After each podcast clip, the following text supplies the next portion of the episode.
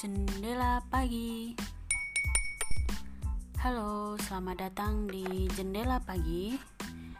Kali ini saya akan ngasih tahu soal filosofi jendela pagi. Jadi, filosofi dari jendela pagi yaitu saat di pagi hari membuka jendela berharap ada semangat pagi untuk mewujudkan harapan-harapan memiliki unsur positif di pagi hari berharap kebahagiaan diri sendiri dan orang lain pastinya.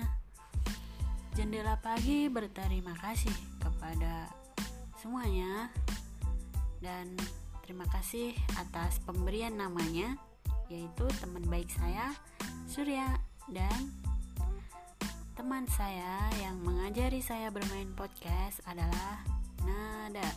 Terima kasih.